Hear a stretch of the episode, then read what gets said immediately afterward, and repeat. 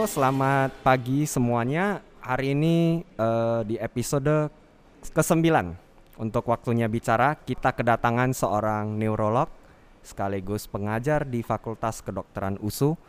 Uh, beliau ini juga teman saya juga dari dosen sampai jadi teman juga.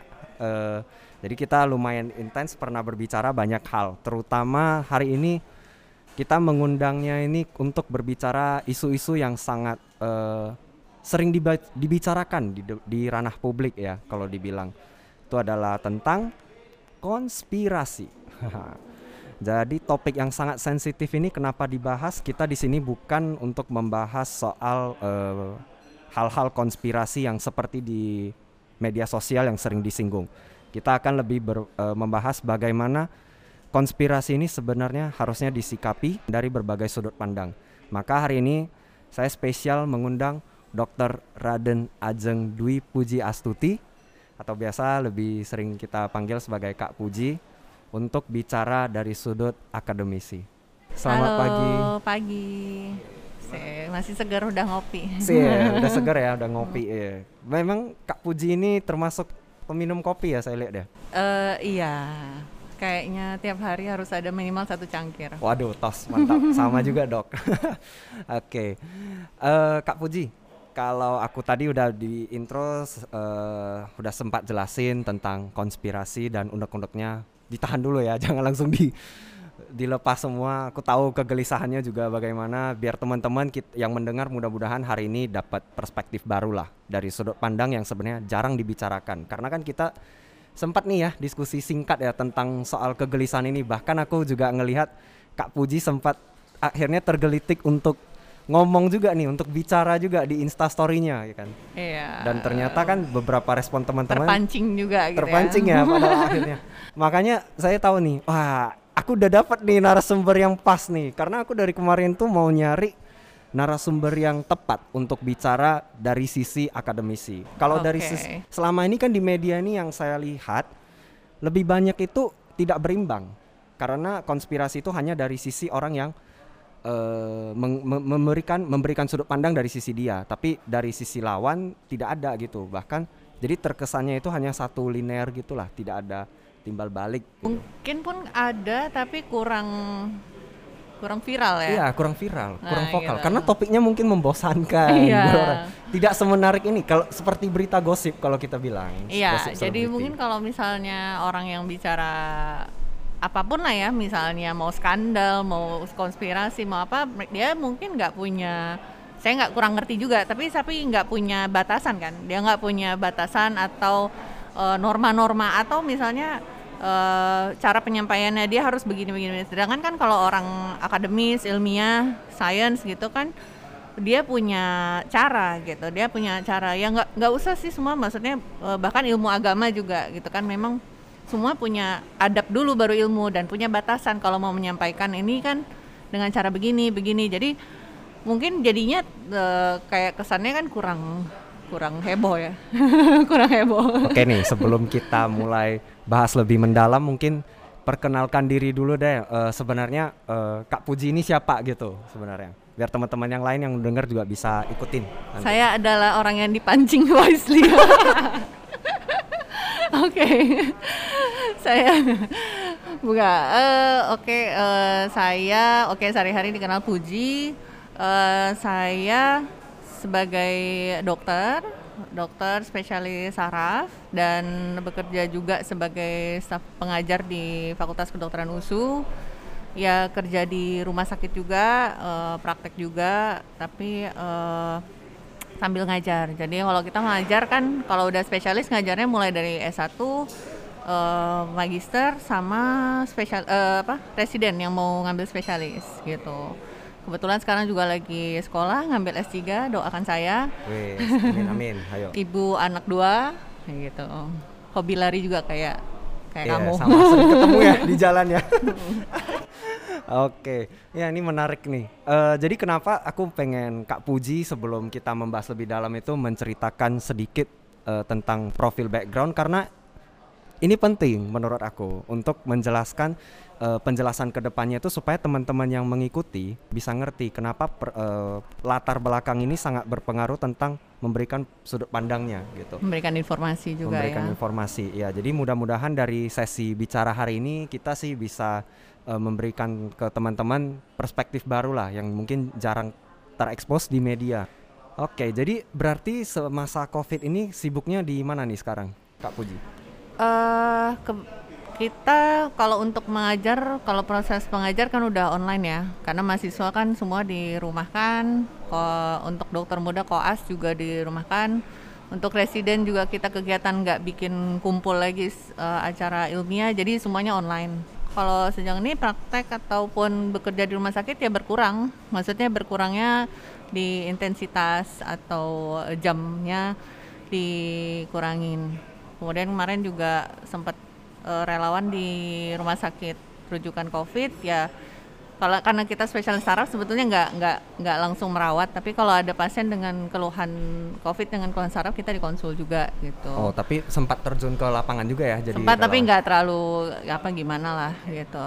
Tapi ya itu sih uh, kegiatan akhir ini ya lebih banyak di rumah ya.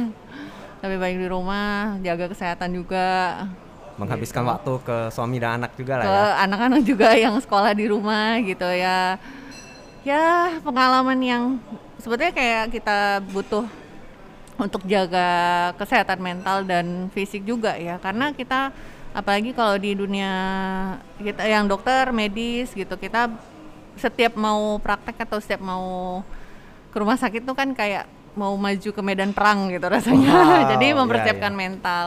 Kemudian kita mikir kita pulang bawa virus nggak ya, gitu-gitu. Jadi uh, mungkin itu sih. Dan akhir-akhir ini memang banyak kejadian emosional karena banyak yang berguguran. Kita bilang tenaga kesehatan, apalagi dokter sahabat saya sendiri juga. Oke, okay, semoga jangan nangis sekarang. Terus banyak isu-isu hoax dan konspirasi yang menurut saya apa ya jadi kayak nambah ini pendapat pribadi sih jadi kayak nambah pikiran gitu nambah kerjaan. Kok kita udah pikiran dan kerjaan kita udah sebanyak ini kenapa harus ditambah dengan hal-hal yang remeh temeh dan nggak penting sebetulnya?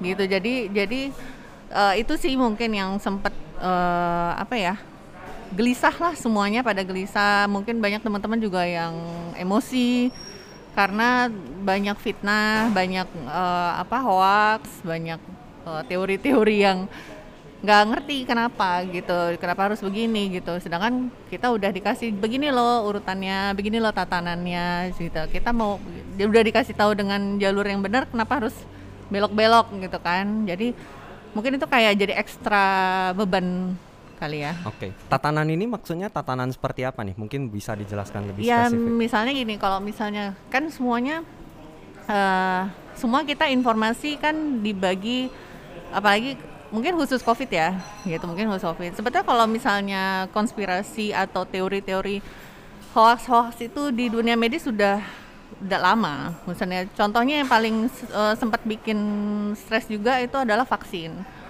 bahwa vaksinasi nggak cuma yang covid dari dulu dulu. Jadi gimana kita meyakinkan orang bahwa kamu tuh butuh kalian tuh butuh vaksin loh gitu. Sampai kita terjadi outbreak difteri itu kan gara-gara vaksin udah uh, melonggar banyak yang menolak vaksin. Terus akhirnya ada kasus yang nggak jadi uh, banyak vaksin yang ditolak oleh kelompok-kelompok agama atau dengan isu-isu.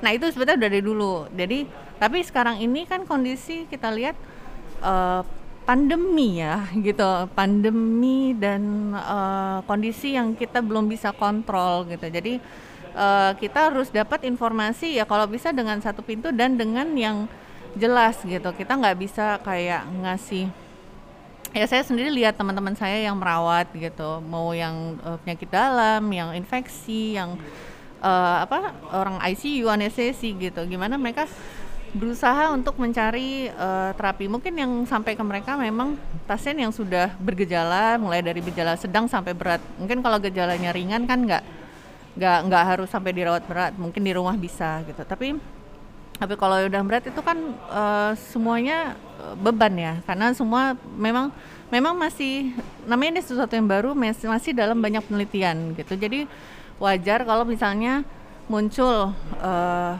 penelitian. Nah kalau penelitian juga kan nggak sembarangan gitu, nggak sembarangan kayak oh saya bisa gitu. Ada ada yang mengklaim hanya dengan membuat video dan viral kemudian mengklaim. Itu itu nggak begitu jalurnya. Walaupun misalnya dia berprofesi mengaku berprofesi science, scientist, peneliti ataupun dokter gitu kan. Kalau mau memunculkan suatu terapi atau obat atau hasil penelitian ya itu harus dengan jalur yang benar, dengan uh, apa? Ada etikanya, ada syaratnya, kemudian uh, analisanya gimana, baru dilihat oh metode penelitiannya gimana dia uh, level berapa ini gitu. Jadi itu baru bisa diakui oh yang ini bisa dipakai. Oke, jadi benar nih teman-teman. Mungkin saya uh, sederhanakan ya. Itu bahasanya itu seperti tata cara lah kita bilang ya kan.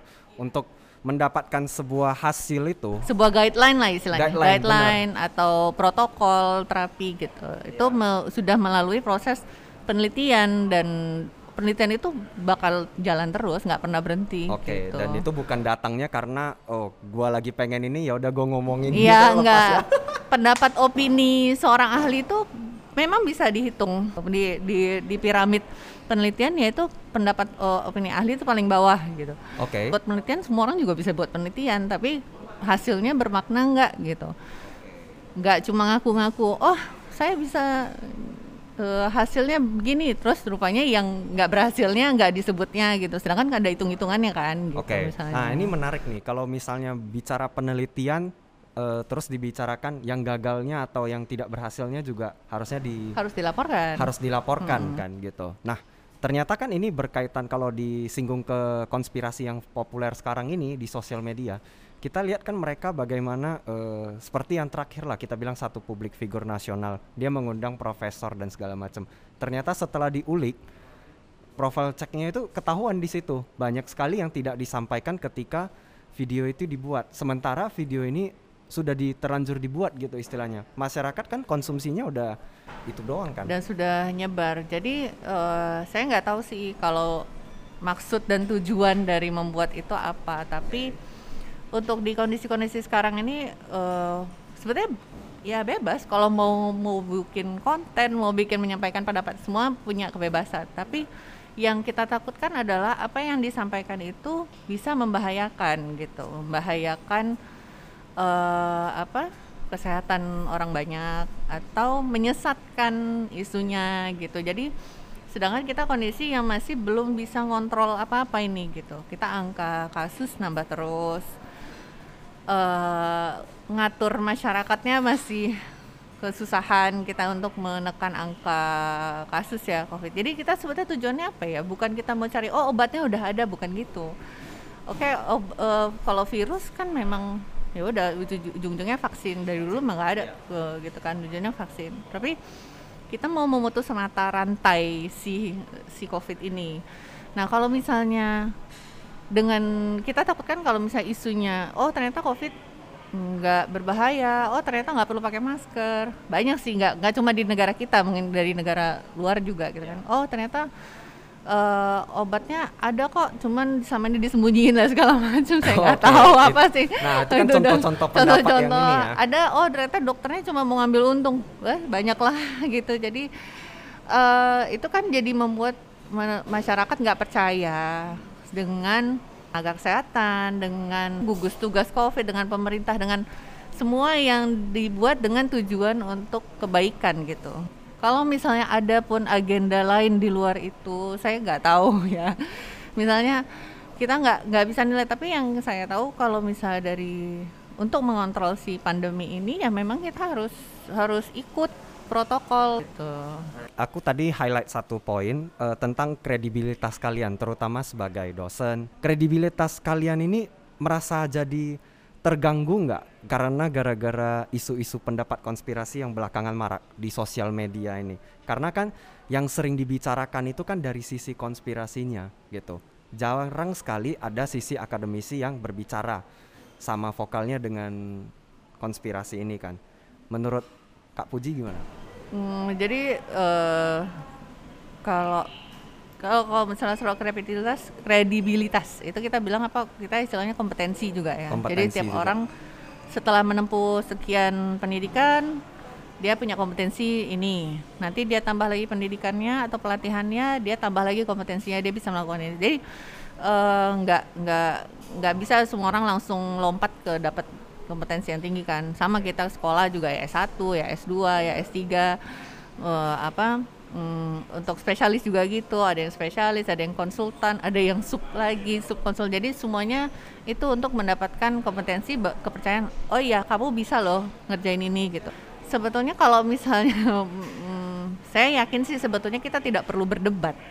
Kita tidak perlu mendebat orang yang tidak selevel sebetulnya ngerti ya? Wah, saya ngerti sekali. Ya, itu kenapa gini. banyak yang akademisi mungkin males lah nanggepin yang begini. Iya, cuman jadi uh, kalau di saya uh, kalau mau berdebat, kalau untuk orang yang hanya pintar bicara dan tidak punya kemampuan ataupun punya cara berpikir yang sama dengan kita, itu akan melelahkan sekali gitu. Sedangkan uh, dia atau mereka mungkin punya ya memutar-mutar uh, bicara atau apa dan tanpa harus uh, merasa bertanggung jawab mana buktinya gitu. Sedangkan kita punya ini eh kamu ngomong buktinya mana? gitu. Oh ini saya punya bukti ini ini jurnal ini penelitian ini atau saya buat sendiri penelitian ini saya buktinya saya bisa bertanggung jawabkan tapi kalau orang yang sekedar ngomong kan dia nggak punya tanggung jawab untuk menunjukkan oh ini base saya gitu yang bisa dipertanggungjawabkan. Jadi mungkin untuk diperdebatkan itu agak seperti sia-sia ya gitu. Jadi mungkin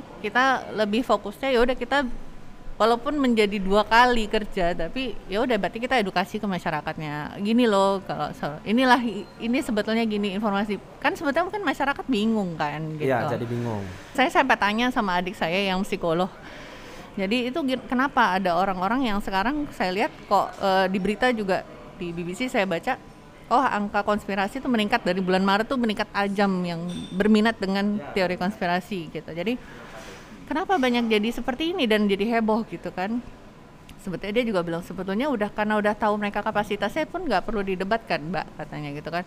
Jadi mungkin mereka punya masalah di adjustment sampai mungkin mereka mau adaptasi mereka memilih uh, apa ya sesuatu yang sesuai dengan tingkat emosinya. Jadi ini oh yang ini pas buat dia dicocok-cocokin gitu.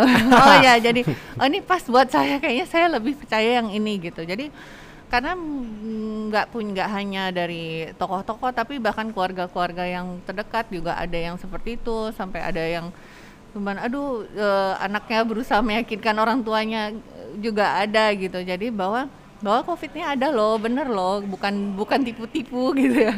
Balik lagi kalau misalnya ke konspirasi ini pendapat yang karena terlalu sensasional tadi menutupi tentang uh, akadem, pendapat akademisi. Karena pendapat akademisi itu boleh dibilang kan untuk masyarakat cenderung berat banget sih. Susah dipahami. Sudah ada stigma-stigma seperti itu. Padahal ternyata kalau dijabarkan lebih sederhana banyak juga kok. Contohnya protokol kesehatan covid itu kan pasti dari penelitian iya, juga kan. Nggak dengan mungkin bahasa sederhana dengan kan? bahasa yang sederhana. Jadi sebenarnya masyarakat kita itu terlalu banyak dijejali soal konspirasi. Dan makanya tadi lebih menarik menurut aku karena jadi hal ada hal yang dibincangkan lah untuk dibicarakan di kedai kopi mungkin untuk ngobrol-ngobrol hmm, isengnya tidak terlalu berat mungkin ya kan? Lebih seru ya?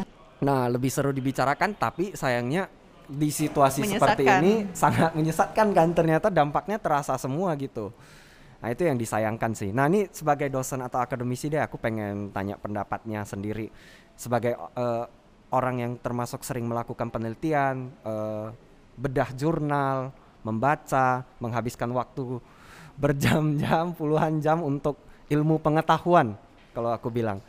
Apa sih sebenarnya perbedaan dasar yang teman-teman itu harus pahami secara jelas kalau pendapat pendapat-pendapat konspirasi ini memang kalau dalam piramid penelitian itu adalah yang paling dasar. Bahkan nggak termasuk mungkin. Bahkan mungkin nggak karena dia bukan ahli. Karena dia bukan ahli ya. Yang paling bawah itu adalah pendapat ahli opini okay, ahli. Jadi harus jadi ahli. lagi ya? luar nggak tahu ngawang-ngawang ya. Ngawang-ngawang nih ya. jadi uh, oke okay, uh, eh, kita nama ada namanya ya ilmu pengetahuan ya. Apa ya? Ilmu ya ilmu, ilmu. Mau ilmu apa pun. Jadi kalau menurut saya itu kan uh, ilmu itu kenapa ada kenapa kita bisa bangun rumah? Kenapa kita bisa bangun pesawat? Kenapa kita bisa menciptakan obat-obatan dan segala macam? Itu kan semua ada ilmunya ya. Dan semua itu juga untuk uh, apalagi yang untuk keselamatan orang.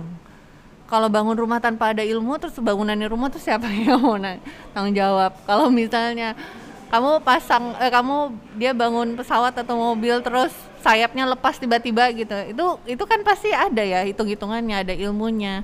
Obat-obatan juga kalau yang dikasih ternyata toksik gitu ternyata beracun gitu. Tuh jadi uh, intinya semuanya sih ilmu ya. Jadi ke, kalau aku lihat kan harus semua kita segala aspek kehidupan kita ya itu berdasarkan uh, ilmu itu. Jadi kenapa untuk satu hal yang kamu tidak mau terima gitu misalnya gitu kan ke, kenapa jadi pakai ilmu tebak-tebak ya itu kalau kalau kita bahasa di ininya biasa sebutnya adab adab sebelum ilmu mau ilmu yang dipelajari itu adabnya dulu etikanya jadi kan uh, bahkan di kita di kedokteran atau di mana belajar etika dulu, etika kedokteran. Saya rasa semua profesi yang ya, namanya so. sudah sekolah tinggi S1, S2 itu selalu menekankan soal etika, etika gitu. Benar. Karena kita nggak nggak bisa sembarangan ngomong, kita nggak kita merasa paling agak nggak bisa gitu. Semuanya pasti punya etika baru kita bisa menyampaikan ilmu ya, kita. Walaupun ada kebebasan berpendapat, uh, demokrasi, iya. kita selalu harus ingat ada basis etika ini ya kalau saya nangkap. Iya, iya. Jadi mudah-mudahan kita jadi bangsa beretika lah gitu. Jadi faktor itu mungkin yang membuat uh, teman-teman seperti public figure nasional sekelas dia aja bisa terjebak dan latah mengomentari apa yang bukan menjadi latar belakang dia kan. Hmm. Akhirnya sekarang ya diproses hukum. Kasihan ya. kan gitu. Figur dan perjalanan dia yang dia bangun karir selama ini baik-baik malah dia berkomentar di luar bidangnya dia. Jadi mungkin ini juga jadi satu pembelajaran. Kalau saya bilang uh, ya itu pentingnya akademisi atau ilmuwan memberikan statement dibandingkan kita mempercaya orang-orang yang di sosial media yang tidak berdasarkan evidence base gitu. Nah, tapi mungkin ya, gimana? mungkin uh, ada juga masalahnya misalnya itu salah satu kompensasi dari ini kita di tengah pandemi kayak apa ya? Kayak di tengah kan terombang ambing ya, nggak tahu hmm. mau ngapain semua merasakan stres gitu semua termasuk saya sendiri juga stres gitu dan uh, kayak semua serba tidak pasti sampai kapan ini bisa siap sampai kapan aku bisa normal sampai kapan saya bisa kerja lagi yang normal kan itu nggak ada kepastian jadi semua orang dalam di tengah-tengah ketidakpastian gitu jadi mungkin uh, ya itu cara mencari dia kenyamanan atau uh, apa ya kompensasi dia dari stresnya atau apa pun dia jadinya yang dicari hal-hal yang, yang membuat dia nyaman tapi belum tentu itu uh, benar atau um, oke okay. keputusan keputusan yang gitu, ya. seperti ya. ini aku aku ngerti kira-kira ya hmm. benar sih jalan hmm. pikirannya jadi untuk membuat dia sendiri comfort ya istilahnya ya, ya gitu terfulfill caranya itu, seperti itu mungkin caranya ya. mungkinnya mungkin seperti itu benar-benar nah, ya, jadi ya. ya itu kayak sisi positifnya sisi positifnya ya tapi dia lupa dampaknya itu ke banyak orang seperti bagaimana kan. Dan malah dengan ketika dia bikin hal-hal pendapat seperti itu orang suka dia malah dapat percaya diri kan. Makin yeah. menjadi jadi waduh kacau banget Mungkin. itu. Oke jadi kalau kak Puji sendiri nih kalau tanya lepas iseng-iseng karena kan e, dari sisi akademisi juga dia percaya konspirasi nggak? Ini pertanyaan yang membingungkan. Percaya atau tidak konspirasi ya Uh, kayaknya konspirasi itu lebih enak dikonsumsi di buku, novel, fiksi atau uh, film kali ya. Okay. Nggak tahu ya. Sebagai tapi, hiburan ya mungkin ya. Mungkin sebagai tapi uh, saya nggak tahu ada atau tidak itu kita tidak tahu. Yang saya percaya fakta, fakta yang ada fact, fact checknya yang jelas ada uh, sumbernya jelas itu lebih percaya ke situ sih. Tapi kalau kemungkinan ada atau tidak ya nggak nggak apa ya nggak menutup kemungkinan. Uh, ya dari dulu dulu ya misalnya kita banyak soal konspirasi mau dari bisnis lah mau dari politik dan segala macam itu kan dari zaman dulu dari dulu dulu gitu ada. Jadi uh, bisa ada. Tapi kan itu kayak sesuatu yang ada buktinya nggak gitu ya kalau memang nggak bisa dibuktikan ya dia menjadi sesuatu yang masih fiksi gitu kan jadinya gitu. Jadi ya udah dibaca aja di novel fiksi atau ditonton tapi kalau saya sendiri sih lebih fokus ke ya fakta lah fakta dengan bukti yang jelas. Oke. Nah, satu lagi nih, akibat tren sosial media nih, tadi kan aku juga sempat singgung, tanpa latar belakang pendidikan yang lebih jelas, semua orang bebas seakan berbicara memberikan sudut pandang, melupakan bahwasanya khasana ilmu pengetahuan ini kalau kita bilang ada adabnya gitu. Sebelum ilmu ada adab ya tadi saya catat. Nah, terutama nih kita bicara soal uh, public figure di sosial media yang punya pengaruh besar dalam hal angka, jumlah followers lah kalau aku bilang. Nah, mereka ini uh, ketika memberikan satu pendapat atau pandangan itu tentu sangat berpengaruh ke jumlah followersnya kan. Maksudnya followersnya semua bisa ikutin, bisa jadi percaya mungkin dan segala macamnya. Ke depan ini akan terus terjadi trennya menurut saya gitu. Nah aku mau ngajak Kak Puji memberikan pandangan bagaimana nih misalnya uh, dengan orang-orang yang punya banyak followers, terus mereka uh, harusnya itu seperti apa? Karena kan tanpa mereka sadari sebenarnya mereka memberikan dampak kan terutama dari cara pikir dari pendapat yang mereka kasih misalnya bisa jadi hal yang berbahaya atau biasa aja sebenarnya fenomena fenomena hal seperti ini. Ya oke okay, ini gimana ya? Tapi ya mungkin lebih eh, hati-hati uh, aja ya. Lebih hati-hati dalam menyampaikan pendapat ataupun uh, informasi. Karena ya dia apalagi kalau dia memang punya nama public figure ataupun uh, apa istilahnya selebgram lah public figure apalah istilahnya. Pokoknya yang penting followernya banyak dia berarti banyak uh, banyak yang istilahnya bisa followers tuh kan antara bisa positif bisa negatif ya. Bisa mengagumi atau haters ya gitu.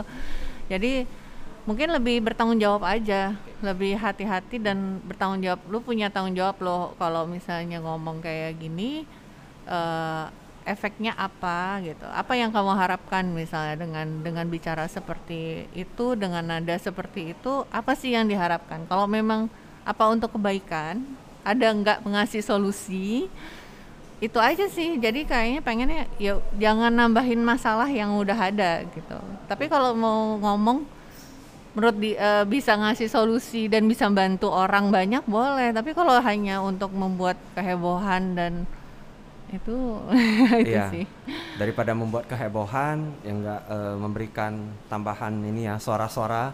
Menyesatkan, menyesatkan. Membahayakan. Itu yang kita takut sih membahayakan. Takut. sebagai akademisi ini mel cara melihatnya gimana misalnya tanggapannya Kak Puji melihat idealnya itu harapannya seperti apa sih dengan situasi fenomena seperti sekarang? Karena kan public figure oke okay, saya sepakat kayak Kak Puji bilang tadi ada yang positif arahnya ada yang ke negatif. Tapi sebenarnya bisa nggak sih terjadi kolaborasi mungkin atau uh, hal apa yang sebenarnya mungkin bisa mulai dicoba sama konten-konten creator atau public figure ini dengan kalian nih dari pihak akademisi dan segala macam? Supaya kan ini sinkron kan sampai ke masyarakat. Karena masyarakat kita itu dia mengkonsumsi bulat-bulat aja gitu. Kalau disuruh riset lagi, kayaknya susah ya, karena panjang kan waktunya dan segala macam gitu. Mungkin iya ya. Jadi uh, maksudnya itu ngasih ngasih kayak ini juga. Ya saya nggak tahu apa udah dilakukan atau enggak oleh mau pemerintah, mau gugus tugas ataupun uh, orang-orang yang uh, apa ya be, nu, turun dan uh, berusaha menanggulangi si uh, pandemi ini. Jadi uh, banyak lah mau ahli, mau dia terlibat dalam uh, suatu apa organisasi uh, apa ataupun gugus tugas ataupun langsung pemerintah gitu. Kita anggaplah memang pemerintah lah yang paling atas kan. Itu mudah-mudahan bisa mengajak kan tahu nih efeknya influencer artis selebgram public figure semua ini punya efek gitu ke masyarakat. Mungkin ya itu udah bisa digait uh, misalnya oh angka overweight sama obes kok tetap banyak. Tapi gitu nanti satu ini dengan postingan yang bagus dia makan sehat dan segala macam eh semua ngikut gitu. Jadi ngerti kan? Jadi mungkin oh ya mungkin udah saatnya ya udah kita dengan approach yang seperti itu ngasih informasinya. Komunikasi-komunikasi ini kan bagaimana disederhanakan tapi tetap ada adabnya. Hmm, iya. Nah, jadi tapi nyampe nya pas gitu nyampe ya. pas gitu. Hmm. Jadi uh, walaupun terkesan yang biasanya ada stigma membosankan, rumit, makan cara pikir gitu, makan waktu dan segala macam, sebenarnya bisa di breakdown jadi hal yang sederhana banyak sekali gitu. Menurut Kak Puji sendiri lama-lama influencer-influencer ini yang di sosial media bisa punya power lebih nggak yang meyakinkan dibanding kalian yang sudah di akademisi lama dan segala macam. Gitu. Terus yang udah sekolah capek-capek nggak nah, gitu. itu. uh, ya itu sih la, la, kan mungkin tiap orang kan punya jalur uh, profesi jalur uh, sukses jalur apa yang beda-beda nggak kita nggak bilang semua harus jadi akademisi loh semua harus jadi saintis nggak juga kan dengan situasi sosial media dan kita sekarang lihat ya mungkin bagus juga memang harus diajak kan diajak si public figure influencer ini yang untuk uh, menyampaikan informasi ini loh. Bukan berarti saling menggantikan satu sama lain bukan berarti tiba-tiba si influencer jadi dokter kan nggak juga ya. gitu mungkin gitu. Jadi ataupun mungkin yang punya profesi atau keilmuan bisa belajar dari itu. Oh ternyata kalau nyasi informasi sekarang caranya harus gini loh gitu. Jadi menurut Kak Puji sendiri uh, sebelum kita menutup sesi ini, kenapa orang itu nggak boleh samain konspirasi dengan pernyataan-pernyataan berdasarkan penemuan ilmuwan? Ya ini aja sih kembalikan yang membuat teori itu bisa nggak memberikan bukti yang valid gitu aja. Untuk orang sains ini kan punya bukti gitu. Sebetulnya bisa cenderung diabaikan. Ya udah diabaikan ngomong. Tapi yang kita takutkan kalau uh, ya, kita takutkan bahwa ini semakin dia hot. Ya, semakin, semakin didiamkan itu. semakin di ini diperdebatkan yang hanya meng, meyakinkan apa yang dia bilang gitu. Jadi itu yang kita takutkan yang jadi berbahaya untuk kondisi sekarang ini gitu. Mungkin kalau kondisinya nggak kayak gini kita bisa abai gitu. Ya, bisa tapi kan sekarang bisa. udah nggak bisa abai karena iya, kan ini gitu. mulai mengganggu kan. Mulai mengganggu. kalian juga. Tapi hmm. kita fokus di negara kita lah gitu. Dengan pandemi ini bakal bakal banyak yang muncul seperti ini tuh ada prediksi juga. Sampai saya nggak baca tapi saya ada dengar. Uh, bahkan sampai bisa-bisa muncul new prophet gitu apa ya, itu? Kira-kira? Kayak profet kenabian atau agama baru oh, atau okay. cult atau aliran. Nah, itu yang wow. yang membuat orang yang lagi kayak terombang-ambang atau dalam ketidakpastian itu jadi ngikut ke arah sana gitu. Jadi itu ada sampai prediksi kalau pandemi bisa membuat seperti itu gitu. Jadi um, ya itu sih. Jadi ya mudah-mudahan semua sehat, semua stick to protokol ataupun uh, informasi yang memang sumbernya jelas dan memang tujuannya ya untuk kebaikan gitu. Tujuan karena kalau misalnya penelitian ataupun medicine apa pun kalau berbahaya dia juga bisa dituntut gitu ngerti kan? Yeah. tapi uh, kalau kok kamu ini dia bisa di, di, di diminta uh, pertanggungjawaban kenapa medicine ini berbahaya gitu? Jadi ya berarti kan nggak mungkin orang sembarangan ujuk-ujuk ngeluarin uh, apa ya guideline atau apa pun itu kan semua dengan memang kehati-hatian gitu tujuannya untuk kebaikan gitu jadi itu sih mudah-mudahan orang bisa percaya. Oke, ya udah deh. Uh, pesan Kak Puji nih untuk terakhir ke teman-teman semua secara umum, mau yang percaya, mau yang kalau yang nggak percaya sih ya mungkin anteng aja dapat perspektif baru lagi dari bicara kita. Tapi ini misalnya buat teman-teman yang percaya, sebenarnya kan mereka nggak salah sih menurut aku untuk mempercayai sesuatu ya itu hak mereka tapi bagaimana supaya mereka ini dengan adanya perspektif baru yang sisi akademisi hari ini bisa tersampaikan nih ke mereka mereka? Kembali lagi sih misalnya jadi kenapa ada kenapa semua ada tatanan kenapa semua ada urutan mulai dari sekolah mulai dari pekerjaan semua ada aturan gitu.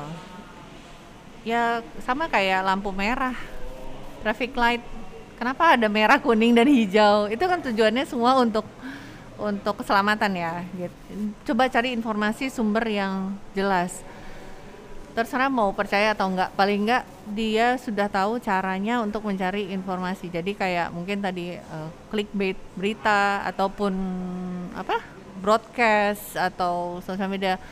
Sebetulnya dari dulu sih nggak cuma hanya kondisi ini. Tapi karena kondisi ini uh, semakin berbahaya atau misalnya pandemi kan lebih baik cari informasi yang benar. Pastikan sumbernya itu kredibel nggak ya, gitu? Susah sekarang cari sumber iya kredibel. ya teman-teman banyak banyak teman-teman yang ini kan kalau di public figure atau segala macam mereka ngomongnya loh saya dapat dari media A loh. Nggak mungkin kan media A gini-gini. Ah jadi lempar bolanya ya, ke sana. Tapi sama kayak sekarang juga kita lihat misalnya saya lihat uh, oh si uh, ini bikin dia postingan. Bahkan kayak postingan edukatif yang menurut saya bagus bagus sih untuk mengedukasi soal covid dan pandemi ini.